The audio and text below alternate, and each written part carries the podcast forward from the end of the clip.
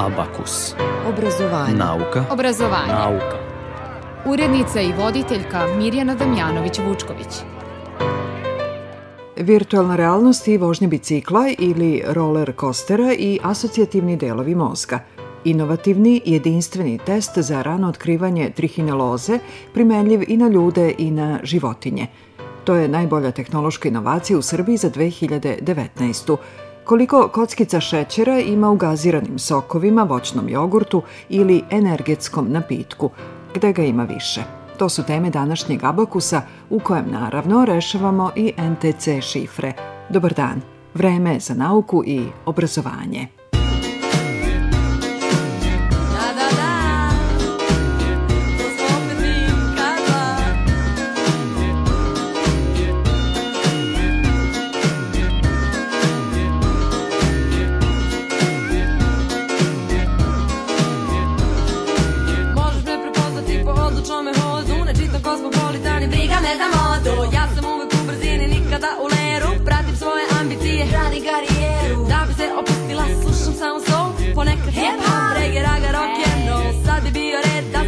Se dočepaš mog broja Mislim da bi trebalo da znaš da bit ću tvoja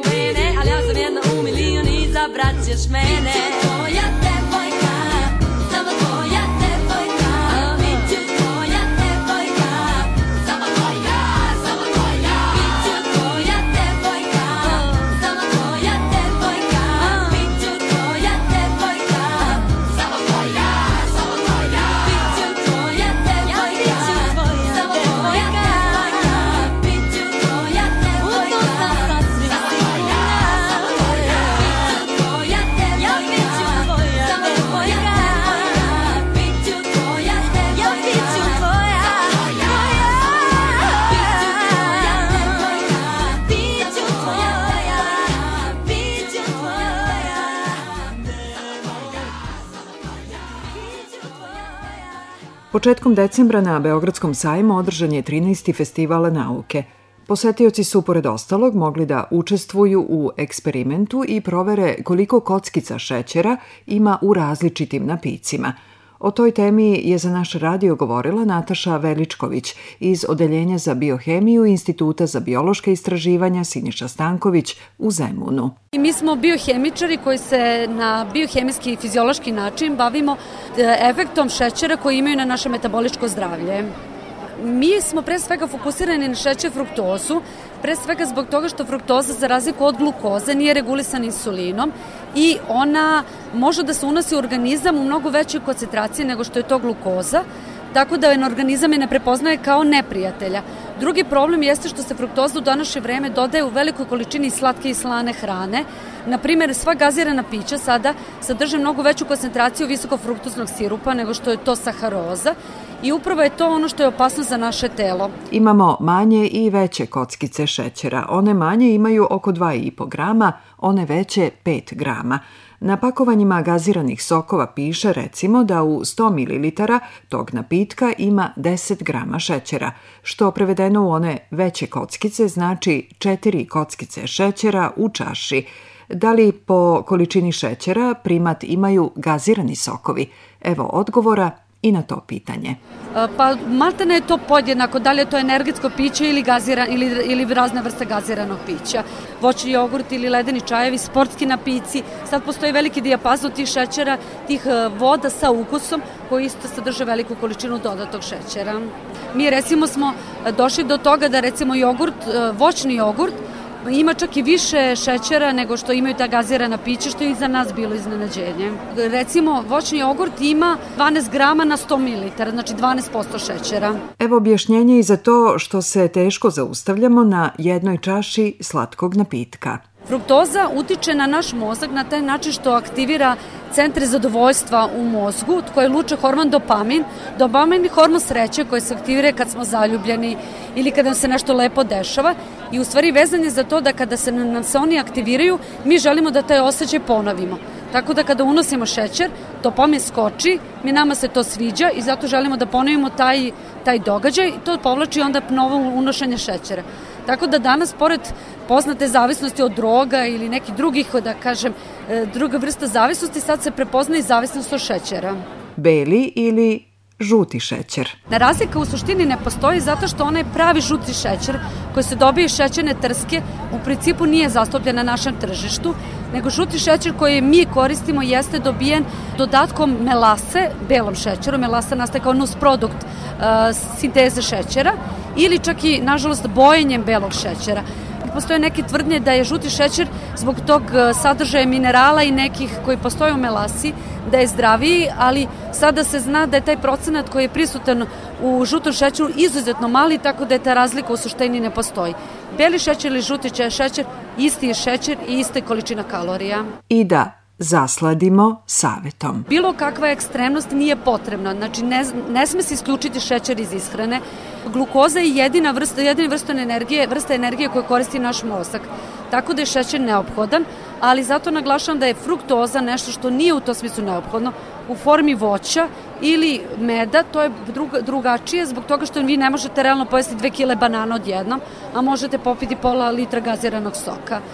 Znači, nikako isključivanje šećera ishrane, uvek uravnotežena ishrana u bilo kom obliku i fizička aktivnost. Kockica šećera u čaju, u kafi, znači to nije nešto što će da bilo šta negativno utiče na vaš organizam. Šećer nam je neophodan, ali bilo kakvo preterivanje naravno da dovodi do velikih problema po zdravlje i kažem pre svega treba biti svestan toga da velike količina i slatke i slane hrane sadrži sakriveni šećer. Za Radio Novi Sad je govorila Nataša Veličković iz Odeljenja za biohemiju Instituta za biološke istraživanja Siniša Stanković u Zemunu.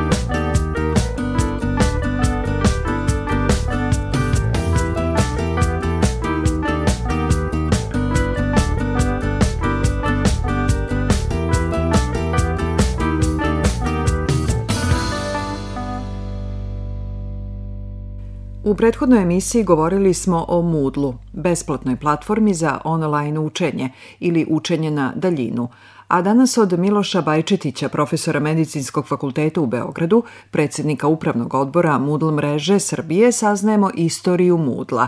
Pretpostavljate, počelo je u Australiji. Sam software se pojavio 2002. 2004. kad sam ja na mom medijskom fakultetu pokrenuo portal za online nastavu koji se zove Reticulum, koji je baziran na, na ovaj tom Moodlu. Moodle nije bio nešto pretarano ovaj, popularni poznat, tek je dve godine postojao, ali negde sam intuitivno tu osetio da bi to moglo biti pravo rešenje, a privukla me priča kako je samo Moodle nastao. Naime, autor tog programa i glavni developer, kako se to kaže, odnosno programer Martin Dugjamas iz Perta iz Australije, e, je kao neko ko je završio kompjuterske nauke na tom istom univerzitetu u Pertu bio prvo zaduženje je bilo da bude administrator web sitija, to je jedan od prvih tih LMS-ova, tako se inače označavaju ta grupa aplikacija gde pripada Moodle, LMS, Learning Management sistemi, prevod na srpski malo rogobatan sistemi za upravljanje učenje. I sad brojne tu neke opcije koje se postavile u, u tom a, pradavnom web sitiju Martinu se nisu baš dopale i onda je on dobio želju da napravi novi LMS. I sad svaki programer i ole prosječno može da isprogramira šta god želite, samo neko drugi njemu mora da na, objasni problem za koji on treba da napiše kod i onda je on shvatio da bi trebalo prvo da usavrši svoje pedagoška znanja i onda je on upisao doktorat iz pedagogije. I na tim doktorskim studijima proučavao ovaj, različite teorije učenja, učio o Piažeu, Vigotskom ocu, socijalne konstruktivističke teorije i očigledno je ta teorija na njega imala veliki uticaj i on je imajući vidu upravo taj socijalno-konstruktivistički pristup učenju razvio samo Moodle. Dakle, Moodle je bio razvijen kao deo njegovih doktorskih studija. Zanimljivost je to da on taj doktorat nikad odbranio nije, ali je 2002. 20. augusta na svoj rođendan objavio Moodle prvu njegovu verziju kao open source aplikaciju, dao je zajednici na korišćenje, a ovo posle toga sve je istorija danas, ja mislim, nemam baš najpreciznije statističke podatke, ali da mislim da, da broj sajtova koji se nalaze pod mudom širom sveta prelazi 100.000, a broj korisnika širom sveta se meri u desetinama miliona. Dakle, M je uh, open source, što između ostalog znači da može besplatno da se koristi, što je jako važno za zemlje kao što su Srbije neke druge koje sasvim sigurno ne bi imale novaca da za komercijalne varijanti tih LMS-ova izdvajaju novce. Tako da, to je neka osnovna priča. Dakle, taj vrlo jasan pedagoški background je mene ono što je privuklo i evo sad sa ove distance od 15 godina sam vrlo srećan i zadovoljan i vidim koliko mi je intuicija bila dobra. Za Radio Novi Sad je govorio dr. Miloš Bajčetić, profesor Medicinskog fakulteta u Beogradu, predsednik Upravnog odbora Mudlo mreže Srbije.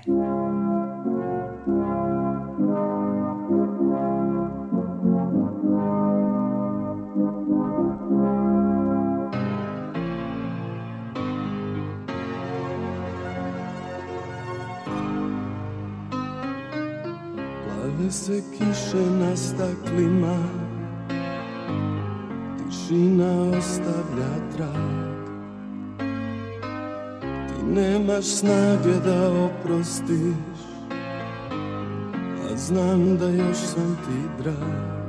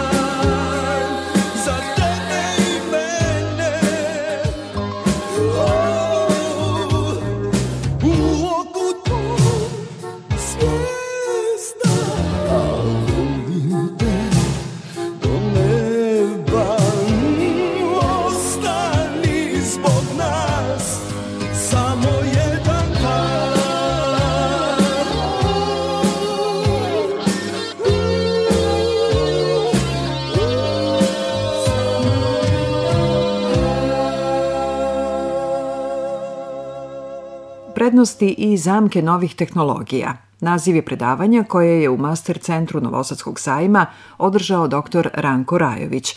Mogli ste u prethodnim emisijama da čujete po nekoliko minuta tog predavanja, a za danas sam izdvojila tri minuta o virtuelnoj realnosti. Imam četvro dece, sa dva sina sam bio u nekom tržnom centru pre par godina i kažu oni, jao tata, eno ga VR, znate šta je VR? To ono što stavite na glavu, onaj specijalni, ne znam, polu šlem, virtualna realnost. Ajde da probamo, kažem, neću ja to, ajde vi. Ma tata, moraš da probaš. Dolazimo do ona žena, kaže, gospodine, šta ćete? Pitam šta ima. Kaže, možete da vozite bicikl, da vozite roller coaster, to ono što ide gore dole, ili da se boksujete. Kažem ja, ja ću bicikl, što je sigurno, sigurno je. Sednem ja na onaj bicikl, kren, to je trenažni bicikl, krenem da vrtim pedale, stavim me to na glavu, ja ne mogu to da verujem, morate to probati. Kao da ste ušli, ja sam bio u nekoj šumi. Cveće, potočići, ide neki most, prelazim preko tog mostića. Znači ja kažem, ovo, znači možete dositi 3-4 sata, eto ga dobar trening. Ali u nekom momentu, posle pola minute, neki kran me podiže, šta je ovo, ja osim bicikl, i spuštuje me na neku zgradu. I sad dozim na vrhu neke zgrade. I vidim kraj zgrade, sad ću da padnem. Znači, već počinjem da se znojim. Znam je da to nije realno, ali ja vozim dalje, šta ću sad odustanem? Međutim, ja, kako dolazim do kraja zgrade, ima neka daska, ja ulazim na dasku i krenem da vozim preko te daske, ta daska vodi do druge zgrade. U jednom momentu kreće neku sirene, neke, ne, ja pogledam dole, kamioni, auto, ljudi kao mravi, ne vidim ih. Kako sam pogledao dole, malo sam onako cinem kao da ću da padnem, i ja samo ono skinem sa glave i ovo neću da vozim. Kaže ovo žena, gospodin, imate još dve minute. Neka, neka, ja ovo neću da vozim. Šta se meni desilo za taj jedan minut? Bio sam mokar od znoja. Znam da to nije realno, ali moj mozak ne zna. Onda još bolja priča, mlađi sin Danilo kaže, tata, ja ću roller coaster. Sednuo na stolicu, tako kao vaša, postolje onako malo vibrira, pomera se, ima šipka metalna ispred njega, on sedne, uhvati se za šipku, staje mu to na glavu i on krene. Ja vidim kako se to onako malo pomera napred nazad. I da on super uživa, kad za jedno pola minute, tata, tata, ulazimo u podzemne pećine. Neka tate tu, i on ulazi kao u podzemne pećine. Za par sekundi vrisne i podigne noge. Pitam šta je bilo? Kaže on, vulkan. Usijana lava ispod njega. Znam da vulkana nema, ali njegov mozak ne zna. Ko je podigao noge Danilove? On ili mozak? Da li vi sad shvatate, mozak donosi odluku pre nego što je postajemo svesni. To se vidi u ekstremnim situacijama. A na osnovu čega mozak donosi odluku? Pa na osnovu prethodnog znanja, čak ne iskustva.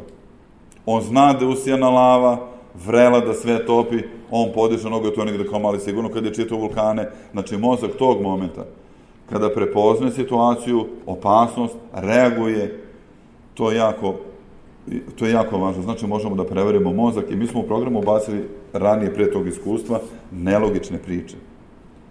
Da aktiviramo te važne regije mozga. I u sledećem abakusu nekoliko minuta predavanja za koje se uvek traži karta više. Samo da vas podsjetim, nedavno je u Novom Sadu u istom danu dr. Ranko Rajević održao dva, iako je bilo planirano da održi jedno predavanje.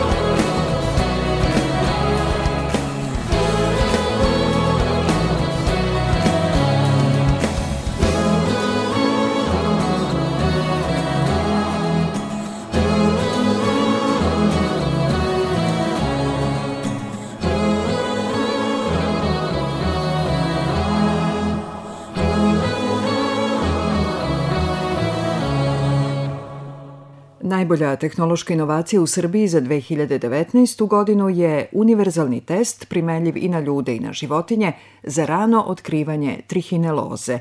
Posle skoro godinu dana, koliko je trajalo i ovogodišnje takmičenje za najbolju tehnološku inovaciju i nekoliko krugova ocenjivanja više od 100 prijavljenih timova, bila su i dva polufinala, u finale koje je održano 21. decembra plasiralo se šest najboljih i to su inovacije iz različitih oblasti. Pet timova je iz Beograda, jedan je iz Novog Sada. Taj Novosadski je osvojio drugo mesto, to je tim Domtruf i oni, u stvari one, ženski tim, imaju više inovacija. Novi prehrambeni proizvodi, tehnologija izrade inovirane tehničke opreme prilagođene preradi i plantažiranju tartufa. Iz oblasti protipožarne zaštite bila su dva tima, odnosno dve inovacije. Zatim inovacija pametna rukavica za slepe i robotizovana automatska protivgradna stanica. A pobedio je ženski tim iz Instituta za primjenu nuklearne energije INEP u Zemunu. Evo šta je zaradio Novi Sad o toj inovaciji, rekla članica pobedničkog tima doktorka Marija Gnjatović. E, tim Unitrih je razvio test koji potpuno pouzdano detektuje infekciju sa trihinelom kako kod ljudi, tako i kod životinja. Ovo je jedini univerzalni test primenljiv na ljude i na različite vrste životinje na svetu naš test pouzdaniji od svega što postoji trenutno na tržištu i ono što je ključno rešava problem uh, rane detekcije infekcije sa trihinelom. Rana detekcija je veoma važna zbog uh, pravovremene upotrebe terapije, jer je terapija najefikasnija na početku infekcije. Diagnostikujemo uh, infekciju sa trihinelom iz uzoraka seruma, odnosno krvi životinje ili ljudi. Znači, kada govorimo o životinjama, u pitanju su žive životinje. Životinje se ne žrtvuju bespotrebno ukoliko se recimo u jednom domaćinstvu utvrdi nakon pregleda mesta, utvrdi da je životinja inficirana, nije potrebno da domaćin u tom domaćinstvu žrtvuje sve ostale jer misli da su i druge zaražene istim parazitom, što je velika šansa da se desi ukoliko je jedna, da je više njih. E, dakle, našim testom možete da otkrijete kod svaki od njih iz uzoraka krvi da li je trihinela prisutna ili ne. Gde se već koristi ta inovativna metoda, odnosno test za pouzdano otkrivanje trihineloze, saznajemo od doktorke Gnjatović. Kvalitet testa potvrđen je na blizu 800 uzoraka ljudi inficiranih trihinelom, eksperimentalnih životinja, svinja, konja, divljih svinja i prirodno inficiranih životinja. To je ono što mora da se ispuni od zahteva kada se razvija novo medicinsko diagnostičko sredstvo. Naš test je u primjeni u Nacionalnoj referentnoj laboratoriji za trihinolozu koja radi u okviru instituta INEP na kome smo mi.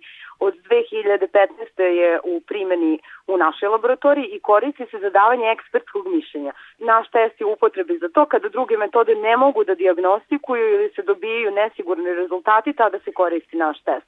Kontrolu kvaliteta testa radimo u našoj laboratoriji u saradnji sa Evropskom referentnom laboratorijom za parazite i imamo potvrdu Svetske komisije za trihinolozu o tome da naš test ima uh, globalnu potencijalnu primjenu, znači čekamo poslednju eksternu proveru kvaliteta testa u relevantnim uh, svetskim laboratorijama. Da vas podsjetim, u finalu je bilo šest timova. Svi su dobili novčani deo nagrade. Za šesto mesto 300.000, peto 350, četvrto 400.000 dinara, treće mesto 500, drugo 750.000, a pobednički tim dobio je milion dinara. Nagradni fond takmičenja i ove godine je bio 5 miliona dinara, tako će biti i naredne godine. To je za naš radio rekao koordinator takmičenja profesor Dragan Povrenović i posebno je zadovoljan što se već sada zna kada je rok za prijavu za 2020. Na našu veliku sreću mi možemo da kažemo ove godine, pa po prvi put zaista da e, već od danas počinju pripreme za novo takmičenje i rok za prijavu na takmičenje za najbolju tehnološku inovaciju u kategoriji realizovanih inovacija će biti 20. mart 2020. godine i pozivam zaista sve slušalce da već od ovog momenta razmisle na koji način mogu da okupe tim, na koji način mogu da e, inovaciju koju žele da predstave na najbolji mogući način to i predstave. I za prijavljivanje i za sve dodatne informacije adresa je inovacija.org.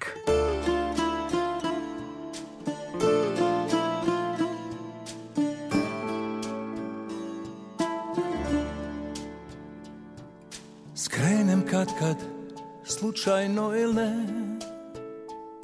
U onaj sokak kojim svadbe prolaze. Do tog ugla brojim korake. A od tog ugla dalje brojim poraze. Obično s jeseni i kad je oblačno Odbjegla sjenka mi se vrati konačno. Uzalud mijenjam adrese Sam crni vrag mi je donese tu. I vješto smislim nešto utješno. U tom sam dobar kažu To najbolje znam. Trudim se ne uvijek uspješno. Tragove svoje da sam sebi zavaram. Obično noću kad je vjetrovito Samoća napusti svoje korito. Ta mutna rijeka poplavi Poljane sjećanja u glavi svud. I naprosto se tuga desi Jer naprosto si tu gdje jesi I naprosto je trista čuda predrasuda Sad između nas. Kad ljubav umre I jedan žali kad ljubav umre Jednom fali i bome nije lako. Kad najđe su kakom kojim svadbe prolaze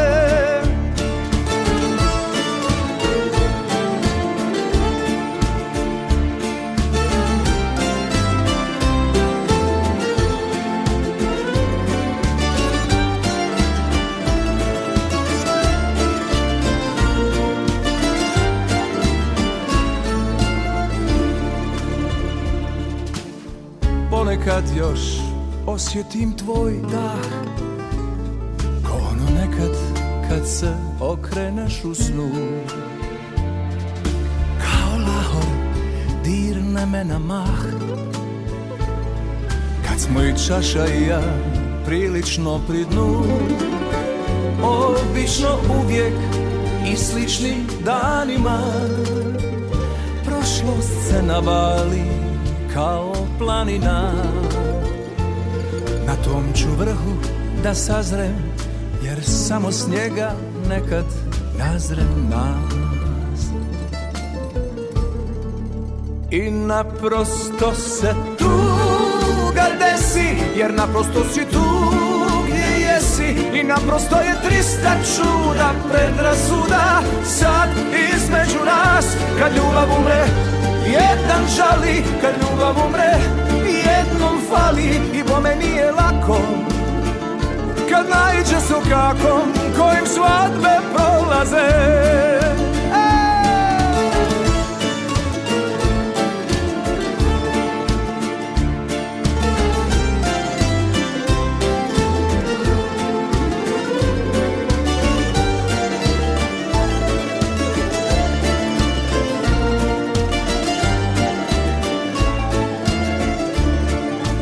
Naprosto se tu gde si Jer naprosto si tu. Gdje jesi I naprosto je trista čuda Predrasuda sad između nas. Kad ljubav umre Jedan žali. Kad ljubav umre Jednom fali. I bome nije lako. Kad najđe su kakom Kojim svadbe prolaze. Naprosto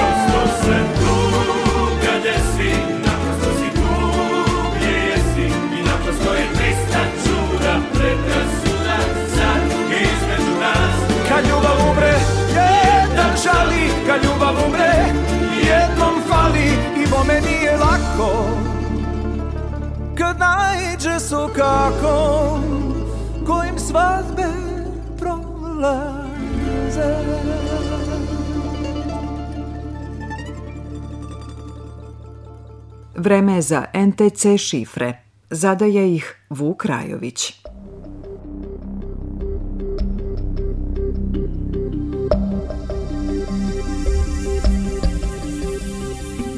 za danas sa- sam vam spremio e, NTC šifre nivo hemija.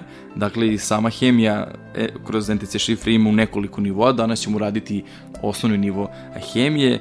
Naime, i ova tehnika za hemiju je objašnjena u knjizi Branko i Stanku Sveto atoma, gde je i e, poklon igra na kraju knjige NTC šifre perni sistem elemenata. Za danas čitam primer e, hemije, e, kako ćemo rešavati. Dakle, e, ja ću da pročitam tri hemijska simbola za element. E, vaš zadatak je da dešifrujete, odnosno da pronađete naziv tog elementa i da na naziv elementa primenite šifru. Kako to izgleda? Ja vam čitam O, N i Na. Pošto se radi o kiseoniku, azotu i natrijumu, naravno šifru nisam rekao, ali dobro, ovo je primer, šifra je 313 i sada na kiseonik primenimo e, 3, to je S, na azot primenimo 1, to je A i na natrijum primenimo 3, to je T i dobili smo troslovnu reč sat. Dakle, pošto ovo još izazovniji nivo, e sad, e, savet za, za slušalce, ako recimo roditelji sastavljaju deci e, šifru, na primjer evo za hemiju, ovde je pogodno da se deci ponudi pomoć u vidu periodnog sistema elemenata. I kada deci e, damo pomoć, dobijamo situaciju da oni sami traže e, periodni sistem elemenata i da usput, u stvari kroz igru, oni gledaju kućice tamo gde se nalaze ti simboli, neki brojevi i oni us- usput usvajaju informacije osnovne o hemijskim elementima, a sve kroz igru i nenametljivo. Tako da evo ja sada čitam e, nazive hemijskih elemenata, a vaše je da ih dešifrujete, da primenite šifru i da dobijemo troslovnu reč. Ovaj put ću dati 20 sekundi slušalcima, pa da vidimo e, da li će neko uspeti da reši. Čitamo redom hemijske elemente i šifru. K, He, S. 3, 2, 4.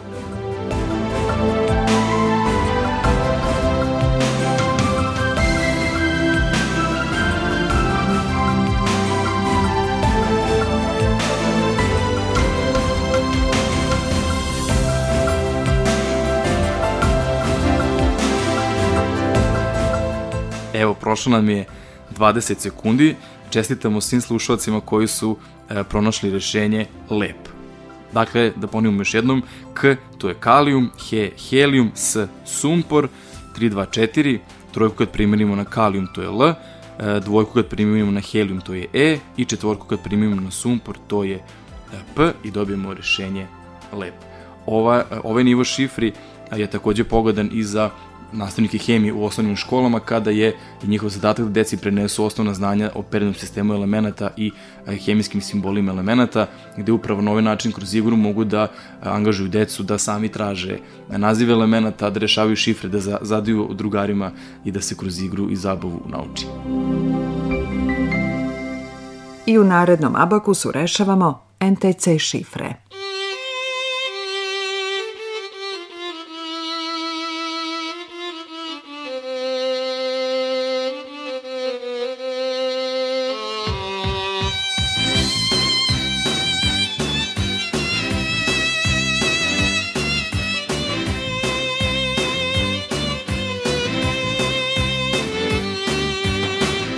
Sam tužan kad se seti moja jedina. Koliko noći pokraj mene nisi spavala. Tužnog detinjstva svoga odmah sam se setio. Tužan sam bio jer te nisam još primetio. Neću da pitam dušu šta si noćas radila. U mome srcu gorku travu si posadila. Ne slušam zato šta mi ljudi govore. Ja noćas pijem samo zbog ljubomore. Sijaju zvezde kao oči konobarice. Da si bar ovde pa da dođu i drugarice. Niz moje grlo klizi ljuta prepečenica Neka me složi kao složena rečenica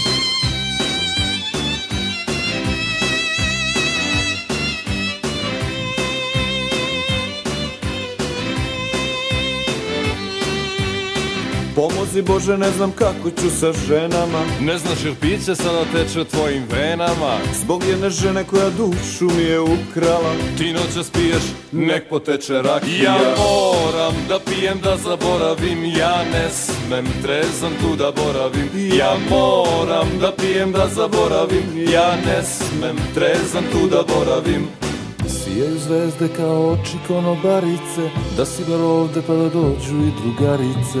Niz moje grlo klizi ljuta prepečenica Neka me složi kao složena rečenica. Ja moram da pijem da zaboravim Ja ne smem trezan tu da boravim. Ja moram da pijem da zaboravim Ja ne smem trezan tu da boravim.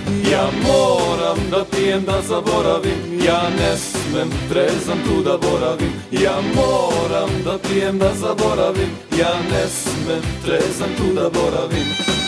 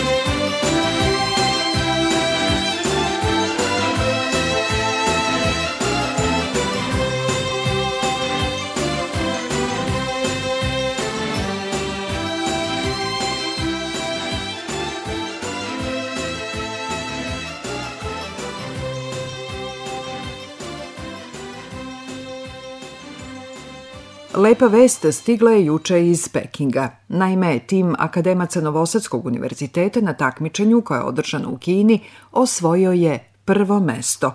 U timu su studenti Filozofskog i Fakulteta tehničkih nauka – master studenti FTNA sa smera animacija u inženjerstvu Aleksandar Rajić i Olivera Pavlović, master student pedagogije na Filozofskom fakultetu Tamara Dragojević i absolventi sa istog oceka Ognjen Obradović i Jovana Adamov – Oni se sutra vraćaju iz Kine, a o njihovoj inovaciji ćemo naravno govoriti u emisiji Abakus.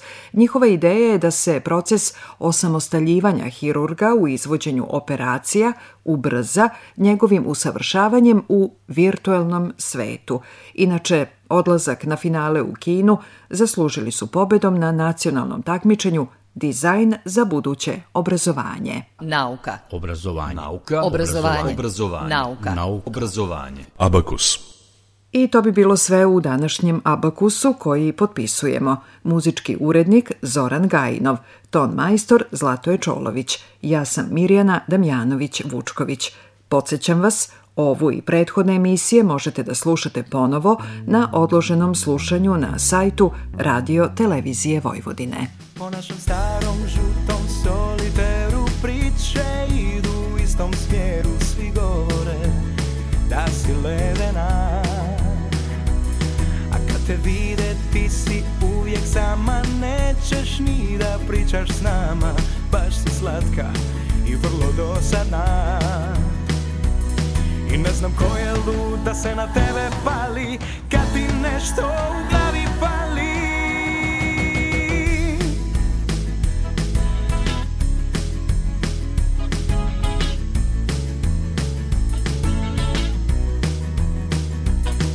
Ne zanosim se jako često I dobro znam gde mi je mjesto A mjesto je moje kraj tebe